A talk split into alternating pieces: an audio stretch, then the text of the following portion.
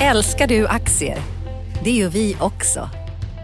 Sea Worldwide Asset Management är en av Nordens största oberoende aktiva aktieförvaltare och har samlad kunskap sedan 1986. Ta del av vår kunskap på seaworldwide.se. Bokstaven C, worldwide.se.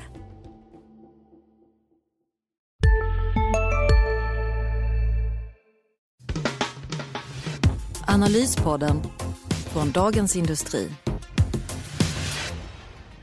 Hej och välkomna till eh, veckans upplaga av eh, Analyspodden med mig, Rickard Bråse och eh, med mig har jag Magnus Dagel. Just det. Ja, Rickard, du har varit rätt aktiv i veckan här. Först började du med att såga Vestas, vindtillverkaren i veckans aktie i måndags här. Ja, jag vet inte om det var en sågning. Jag tyckte det var en sån här en väldigt hyllande sågning i så fall för att var det en klassisk bråsning eller? Va? Nej, jag tycker att det var en, eh, klass, en ganska snäll variant av, av, av sälj eh, som, som, inte slår ner på fel, vad ska man säga, några grundläggande fel i företaget egentligen utan snarare att eh, det kommer skiften i marknaden som kommer göra att de inte kommer ha att eh, framtidsutsikterna kanske inte är riktigt lika bra som man föreställer sig.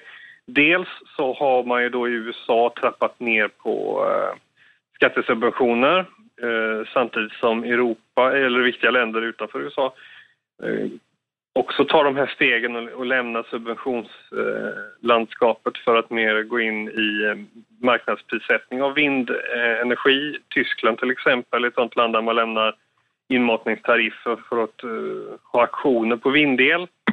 Och i den första aktionen som var där så föll priset med, med 30% nästan. Så Eh, när priser faller hos en tillverkare av någonting så brukar det betyda tuffare tider för underleverantörerna. Mm. Som då så du tror egentligen att det kommer bli prispress på, på, på för Vestas? Exakt. Mm. Jag tror att eh, när ordern har pikat i USA också, som är deras viktigaste land, så måste man gå tuffare fram på andra marknader och det är ju svårt att kunna bibehålla priserna av den anledningen. Samtidigt så blir det ännu svårare då helt enkelt när du har prispress på underliggande men det känns ju ändå som eh, vind eh, är ju framtiden ändå.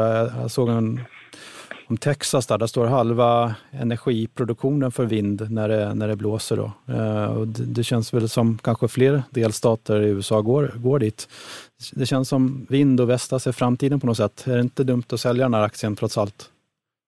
Det, det är väl alltid onödigt att brottas med megatrender men eh, om man, om man är kort, de här, bruk, de här, de här tipsen brukar vi ju, eh, utvärdera på ett års sikt och på ett års sikt mm. tror jag att, att det här kommer att vara eh, är det ganska fina odds på att gå emot den här aktien helt enkelt.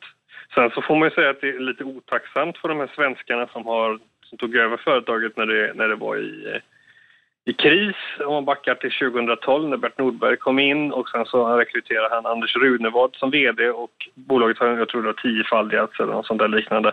Det har gått enastående bra i alla fall under, det, under deras ledning och vi får man ju nästan, om man ser tillbaks på det, det kunde vi ha rapporterat lite mer om så när vi väl mm. tar upp det så är det för att eh, klanka ner på det. Det måste kännas lite otacksamt men... Ja, vi har ju skrivit om det tycker jag, ändå, ändå rätt mycket. Har vi det? Säga. Det har varit en fantastisk kursresa som de tog över där. Ja, det kanske vi har gjort. Det kanske bara jag som, jag som känner mig att jag får dåligt samvete när jag gnäller på det. Nej, om man inte ska sälja hela innehavet kanske kan det vara dags att uh, minska ner lite, åtminstone efter den här, om man har varit med på hela resan. Mm. Men det här är ju verkligen, det är inte så någon extrem värdering egentligen heller om du tittar på EV, ebit, multipeln mm. till exempel. Men det är också ett resultat av att de har en sån här väldigt fin position där de kan driva det med negativt rörelsekapital. Men det kan ju också svinga tillbaks då om man får en Varför kan de göra det med negativt rörelsekapital? Får de betalt i förskott då från leverantörerna? Precis. Så att de, i senaste kvartalet så hade de liksom, jag tror det var 1,7 miljarder euro i, i negativt rörelsekapital. Det är ju väldigt, en väldigt fin position. När de svenskarna kom in så var, hade de ju, hade de ju det omvända och hade en och hade en nettoskuld i bolaget som var fyra gånger eh, ebitda har jag för mig. Så att, det ser ju väldigt fint ut, bolaget, så att man måste, man måste ju få rätt i det här scenariot med med att order, eh, ordern har pikat i USA på grund av den här subventionsomläggningen och, att, och en prispress generellt. Får man rätt på det så får man, kommer man få rätt på att sälja aktien. Får man fel på det så kan man nog ställa in sig på att äta upp den här ganska ordentligt, misstänker jag. Mm. Men som sagt, jag tror på mitt case. Vi får se om ett år om du får rätt. Yes. Jag har ju skrivit om en eh, portfölj här igen. Eh, hoppas du har läst den, Rickard? Det har jag gjort. Ja, bra. Eh, nej, men anledningen jag skrev den det var egentligen att eh, jag tycker många man pratar med är väldigt försiktiga till börsen generellt och är oroliga. Men samtidigt vill man inte lämna den eh, för att alternativen är så usla. Räntorna får man knappt någon ränta alls och, och så vidare. Eh, jag vet inte om du också tänker så, men eh, så tycker jag i alla fall många man pratar med. Och det var därför jag tänkte att kan man vikta om eh, till en portfölj med mindre risk helt enkelt, så kan man både lite äta kakan och ha den kvar. Eh, så det tog jag fram med 15 bolag med, med generellt låg risk tycker jag. Dels, dels aktier då som svänger lite, men också en viktig riskparameter tycker jag är bolag som kan upprätthålla utdelningen i ur och skur. Så sådana bolag har jag letat efter och fick eh, fram ganska många sådana faktiskt. Och eh, så får man väga in balansräkningen, ägarstruktur och liknande. Men jag fick fram, varför fram 15 stycken bolag som jag tycker är lågrisk. i. Fattades några där som du gärna skulle ha haft med? Nej, jag gillar ju till exempel Axfood hade du väl med där. Det är ju en sån som tittar man på hur den har utvecklats så sämsta året har jag för mig att eh, senaste tio åren måste ha varit 2008 om vinsten föll med liksom 6 procent eller sånt där. Så den, den går ju igenom, det är som en, en isbrytare som klarar det mesta. Mm. Men samtidigt har det ju baksidan att även om bolagen blir, kan vara ganska oberörda, även om djupa kriser som vi hade då 2008, så, så är ju aktier på kort sikt mera aktier än vad har de mer ihop med, med börsen kanske än vad de har ihop med den underliggande verksamheten. Så är man riktigt skeptisk till börsen, ska man, ska man, ska man äga aktier överhuvudtaget? Nej, men det är väl just det, är man skeptisk, riktigt skeptisk, då ska man ju sälja vikta ner helt kanske. Mm. Men när man vill man ändå vara, ha exponering mot börsen och det är ju väldigt svårt att tajma börsen. Det har man ju försökt i halva ens liv nu och det är väldigt svårt att komma in rätt och komma ut rätt. Ja. Det kan ju vara en strategi att vara viktad mot börsen hela tiden, fast att man minskar och ökar risken så att säga i olika aktier. Kan vara en strategi. Mm. Men jag tycker, om vi, om vi backar bandet några månader bara, så tyckte jag att det var extremt mycket tjo och tjim kring vänstersektorn. Det var väl i samband med att rapporterna där kom. Eh, och eh, folk var väldigt positiva, men ganska snabbt efter det upplevde jag att, att, att man svängde runt lite och, och tyckte att Nej, men nu har det nog sprungit iväg lite för mycket på verkstadsfronten och mm. att man började tänka i banor om och, och, eh, och plocka in eh, lite mer defensiva aktier. Jag, jag, jag följer ju um, teleoperatörerna bland annat. Mm. Eh, de hade ju fruktansvärt eh, kämpigt under förra året. Jag tror för mig de bottnade en gång i mitten på december men sen har den gått väldigt bra. Tele2 jag har inte siffrorna liksom framför mig men Tele2 måste tillhöra en av de bästa OMX30-aktierna i, i år skulle jag gissa på. Um, så, att, så att de har ju, det känns som att, att, att du, du um, man sticker nog inte ut hakan med den här i det här läget skulle jag säga. Det, det känns som att man har, man har blivit lite mer försiktig rent generellt bara för hur det såg ut för några månader sedan. Mm. Men, men sen är det också intressant Alltså de bästa lågriskbolagen idag är kanske sånt som någon gång i tiden har, har betraktats som högrisk. Så mm. Den riktigt svåra manövern där är ju att hitta vilket bolag idag skulle kunna göra den här, göra, göra resan från att betraktas som ett eh, högriskbolag till ett lågriskbolag. För då, då får du med dig en väldigt fin kursutveckling. Ja. Jag tänker, om, om man tänker, backar hundra år ja. nästan. Coca-Cola noterades eh, 1919. Jag tror den halverades som det var på första året bara. Och sen dess har det ju en, blivit en ganska bra investering som... Ja. Det, det, är väl liksom en sinnebild av någon form av stabil aktie. Just metarisk är ju väldigt svårt. Jag menar, risk är ju olika för olika. Jag menar, frågar man finansmarknaden är det ju bara volatiliteten och svängningar i, i kursen. Men det är ju ganska trubbigt mått, tycker jag. Riskmått. Det säger inte allt om, om risken, utan i slutändan är det ju alltså volatiliteten i intjäningen och hur pass, eh, eh, ja, hur, hur, pass väl man kan upprätthålla utdelningen, tycker jag. Eh, mm. Viktigt i längden. Ja, Egentligen, känner du någon som, som liksom handen på hjärtat säger att de inte skulle vilja köpa en aktie för att risken för kurssvängningar är för stor? Det är väl ingen som gör det egentligen, utan det är väl bara en sån här teoretisk eh, en teoretisk diskussion ja. egentligen. Som, det är inte därifrån man tar sina ställningstaganden, utan risk är väl mer eh, det är ett spridning över olika scenarion som kan inträffa och hur sannolika de är eh, skulle jag säga. Mm. Till exempel Fingerprint Cards upplever man ju som en ganska mm. riskfylld aktie för att det kan ju ta mm. vägen åt alla möjliga håll. Mm. Men samtidigt, eh, om man får försvara det, så tycker jag att många man pratar med som kanske inte håller på med aktier dagligdags, de är rädda för börsen just för att eh, det är så stora svängningar i, det blir så stora svängningar i ens förmögenhet när man äger aktier. Eh, och det, det måste man ha respekt för. En del vill inte hålla på med aktier på grund av den eh, orsaken. Alltså att man, man får se sitt kapital helt enkelt gå upp och ner i värde väldigt mycket och det gör, kan göra en jäkligt orolig. Så det får mm. man ju respektera tycker jag. Och så aktier är ju inte för alla egentligen på det, på det men, sättet. Men problemet blir ju också att, att intresset sväller i takt med att eh, börsen stiger. Hade, hade, det är nog många som kommer gå in, som, som liksom gör sina första investeringar på börsen i det här läget och de ja. kommer ju kanske inte ha ens fått tillbaka sina pengar då på fem års sikt. Nej. Men det man måste göra är ju att ha någon form av kum kumulativ alltså strategi där du i alla fall som privatsparare är det ganska enkelt om, man, om du har ett månadsspar och, och fortsätter och bara är, är successivt stoppar in pengar i, eh, i ja, knippe bra bolag så kommer du liksom över tid och, och, och tjäna pengar på det. Ja, det och återinvestera utdelningarna är ju väldigt enkelt, en gratis lunch som ger väldigt ja. bra avkastning över tiden. Till och, med, till och med den som, jag hade det som exempel en gång, om man tar Telia, Telia som förr hette Telia Sonera, och om du gick in i börsintroduktionen när den gjordes, det var över 2000 jag för mig på sommaren. Om du sen har varje år investerat lika mycket som du investerade från första början plus utdelningen du har fått, mm. så har du ändå lyckats tjäna aktier på den, ja. på, den, på den aktien även om den har varit fullständigt liksom, Mm.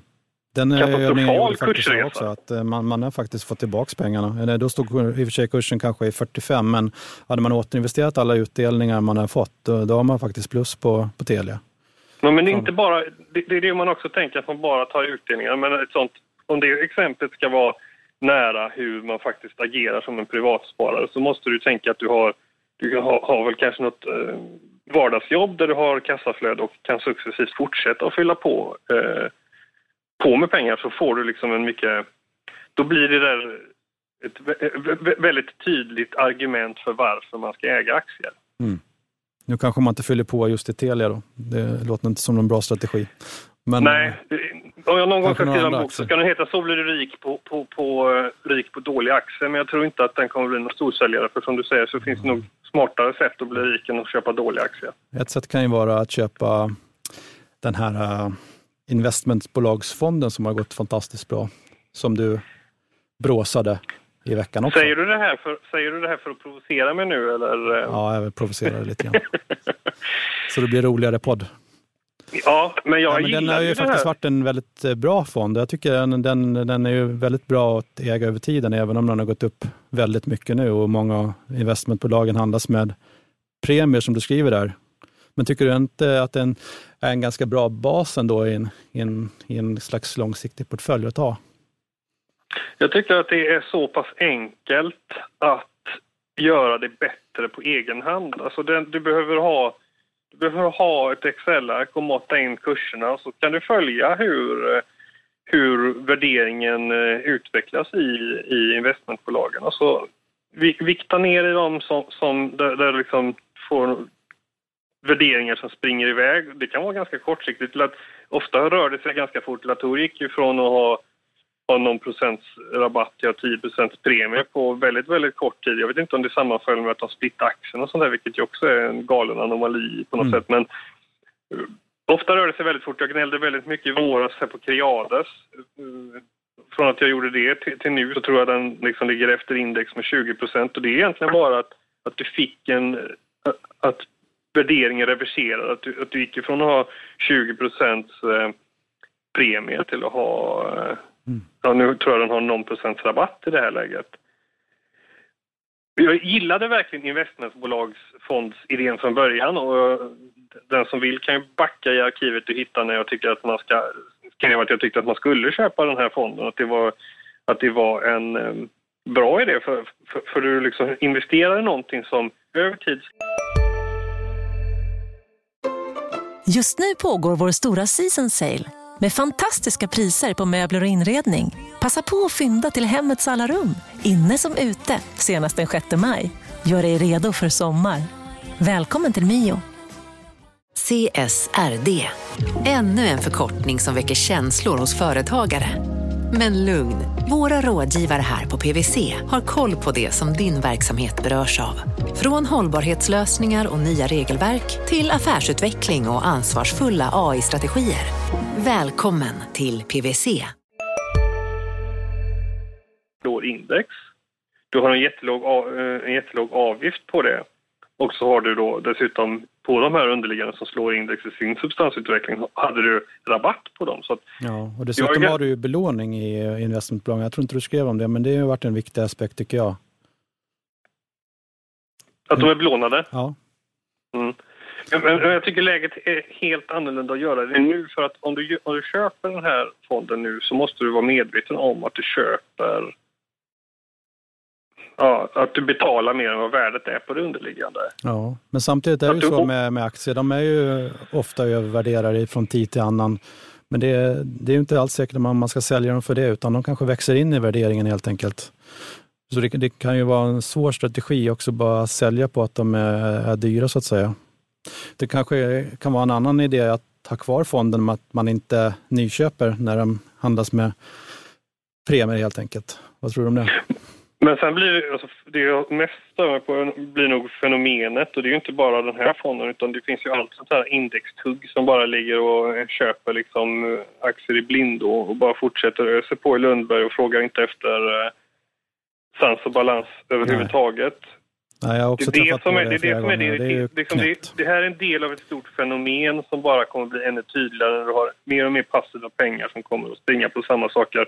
Och där det blir mer intressant egentligen att hålla koll på vilka aktier har tillräckligt dålig likviditet, tillräckligt liten verklig free float för att man ska kunna ställa upp kurserna på, på flöden bara. Och det är ju helt, eh, alltså ur fundamentalt perspektiv så är det ganska provocerande skulle jag säga. Men det säger ju mycket om börsen också, som det är nu, att eh, anledningen de handlas till premie, så pass mycket premie och att så många gör det, det är ju att det är väldigt hög riskaptit och börsen generellt är dyr efter nu sex års uppgång, mm. tycker jag. Nog om investmentbolagen, vi måste hinna prata lite om H&M också. Som... Ja, det gjorde vi förra veckan, men ingen det, gör, det får vi göra varje utan... vecka. Nu, nu hade de nämligen en rapport här också, eh, som ju får ses lite som veckans stora begivenhet.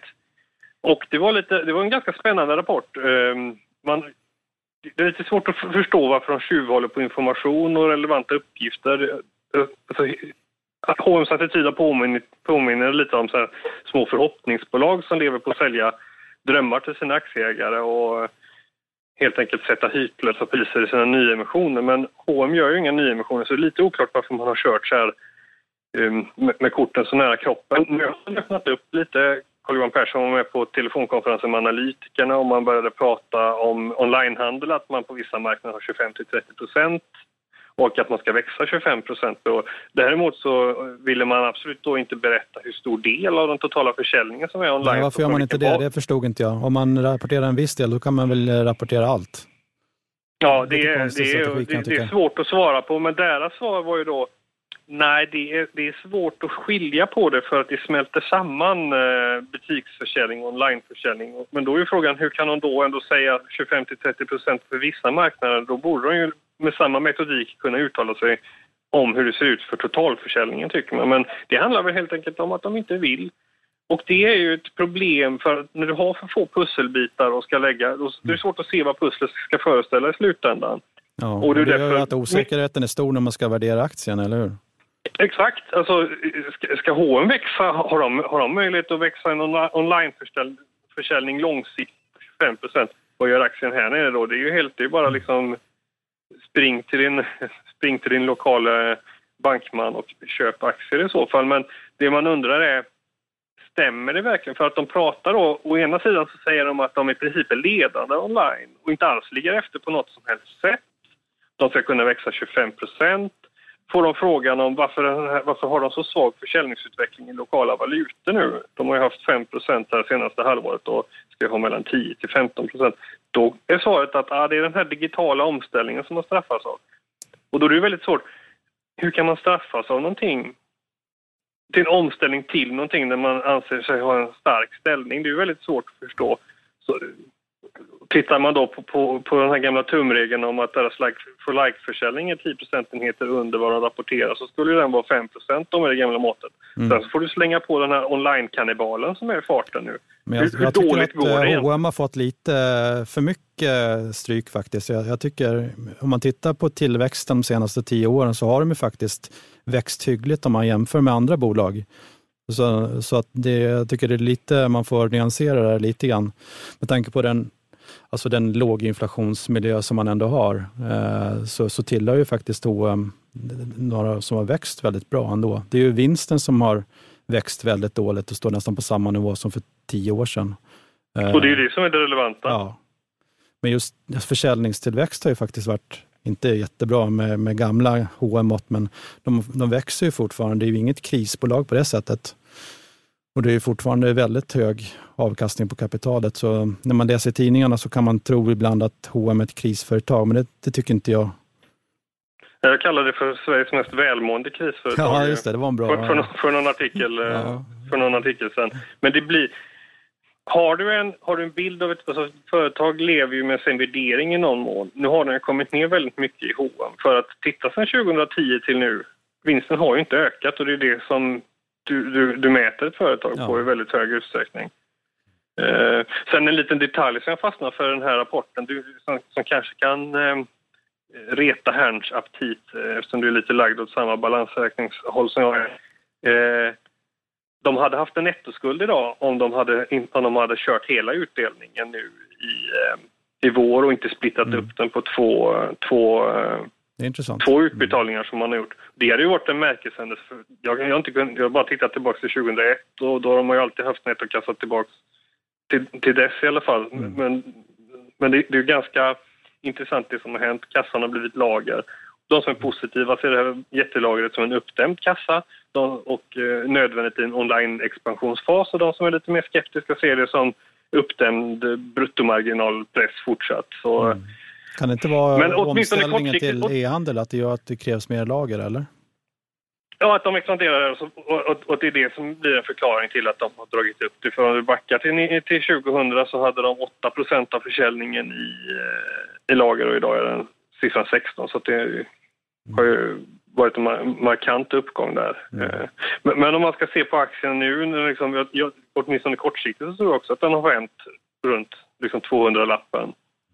Ehm, och det, det, det, är två år, över två år sedan man senast rapporterade en marginalförstärkning som man ju nu lyckas med. Och som du säger, det är ett bolag som har lyckats öka sin försäljning under, under hela tiden. Kan de bara svinga till lite på, på marginalen mm. så kommer det ju se, se väldigt bra ut helt plötsligt. Dessutom har du euron som fortsätter att tugga på mot dollarn, vilket är jättebra eftersom de har mer, merparten av försäljningen i euro och köper in i dollar. Mm. Och där har euron men, men, mycket i veckan här också, efter Dragis tal. Eller, Exakt. Och dragit upp räntan också, bland annat tyska tioåringar har ju tagit ett rejält kliv uppåt där. Mm. Så det, ja, det börjar se lite bättre ut för OM. Och jag, tycker, jag brukar titta mycket på direktavkastningen i bolaget, tycker jag är intressant. Och där ser jag nu att eh, kan H&M hålla knappt 10 kronor per, per aktieutdelning och kursen står i 200 så är ju direktavkastningen 5 procent. Så det är också en signal att den eh, kursen står rätt lågt kan man tycka. då. Men det är också mycket jo. risk. Eh, hur kommer de behålla och så vidare. Men kommer de kunna behålla utdelningen nu, liksom om de skulle haft eh, en nettoskuld nu helt plötsligt om de hade tagit hela utdelningen? Det har gått från 26 miljarder i nettokassa till då eh, 3, någonting som det nu mm. var. Jag tror att de kommer eh, behålla den eh, och att de kommer göra mycket innan de kommer sänka den. Eh, ja. De har, ju, de har ju, trots allt att kassan har gått ner, så har de en väldigt stark finansiell ställning. När jag rankade balansräkningar på börsen här för någon månad sedan, då har ju fortfarande H&M en av börsens starkaste balansräkningar, även om den har minskat. Då. Om man tittar på nettoskuld genom rörelsevinsten. Så det, det får man också mm. väga in, tycker jag.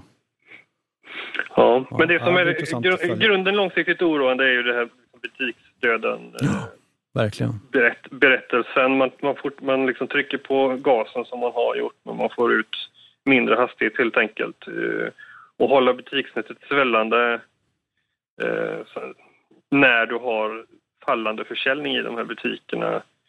Eh, ja, det, det, det är det som är lurigt. Och om säger, men om man nu säger sig vara bäst i klassen på online så då ligger bevisbördan på, på H&M på den punkten helt enkelt och det är det som det kommer bli intressant att följa. Mm. Vill man ta risk köper man nu.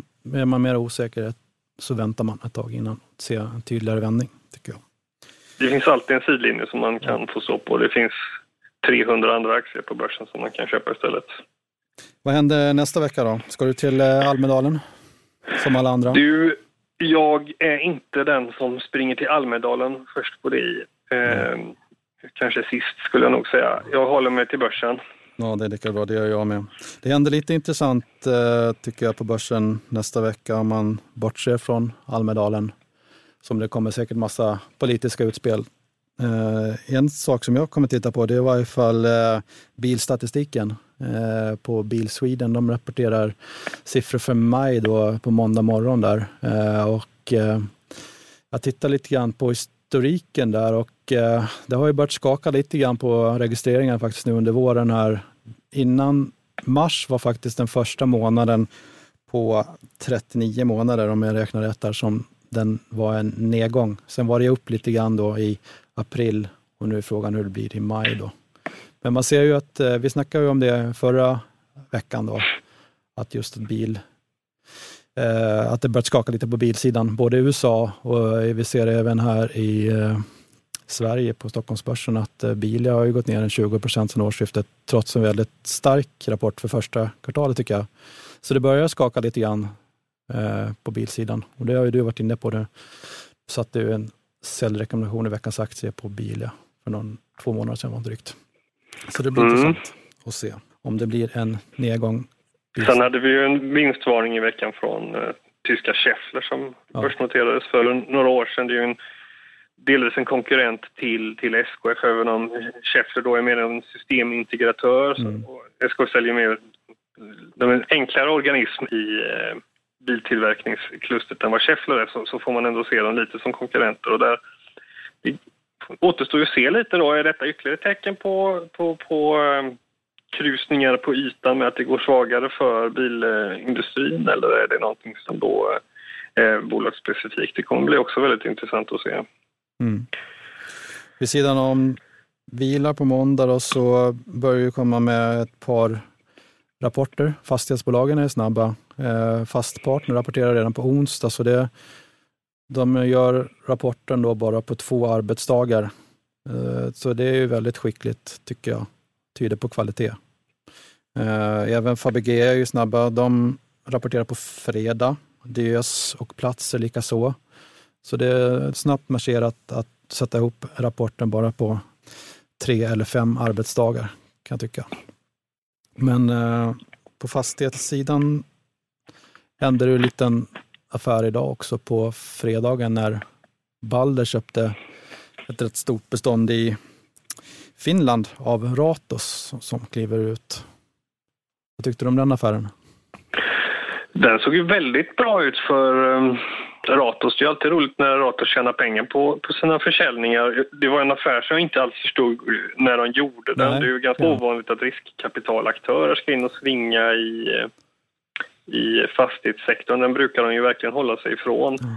Men, Men det var ett läge där de hade lite kassa 50 procent på kapitalet då, insatt kapital. Ja, precis. Det, är ju en multiple ganska, som- det, det får man kalla man för en säga. bra spargris som de gjorde affären för att de hade lite för mycket likviditet vid den tidpunkten. Så Mm. eh, ja, det får man ge... Det finns ingenting att klaga på på den affären i efterhand. Den blir ju mycket bättre än vad jag trodde. Ja, får se om eh, Erik Selin och Balder gör en lika bra affär. De har ju eh, lite ny strategi där att de har börjat vikta upp i Finland tycker jag. Eh, och det är väl förmodligen för att de ser att priserna är så pass höga i Sverige på, på, på kommersiella fastigheter och även bostäder. Och eh, att det är billigare helt enkelt i Finland. Att, ja, men dels att finska ekonomin börjar pigna till och att många finska fastighetsbolag handlas med substansrabatt och att det, det är generellt högre, lite högre avkastning i Finland. Och eh, Erik Selin har ju en bra affärsnäsa så det kanske kan bli en bra affär även om man köper betydligt högre då än vad Ratos gjorde. Då. Ja, man skulle vilja fråga varför han inte köpte det när Ratos köpte. För Ja, att det tänkte de var på. redan växande i Finland då. För jag, Mm. Det vill jag minnas att, att jag ifrågasatte lite. Det var en av de här, varför köper inte Erik Selin som är het i Finland? Mm. Eh, utan släpper det till Ratos och nu köper han det betydligt. ja, Jag vet inte hur yielden har utvecklats på de husen så jag ska inte säga så mycket om det. Men den totala prislappen är i alla fall högre idag än vad den var då. Ja, spännande. Jag tror vi får stanna där och eh, vi får tacka så mycket för den här veckan. Vi håller ställningarna här när många åker till Almedalen. Tack Rickard. Tack så du ha. Hej hej. Analyspodden från Dagens Industri. Podden redigerades av Umami Produktion. Ansvarig utgivare Lotta Edling.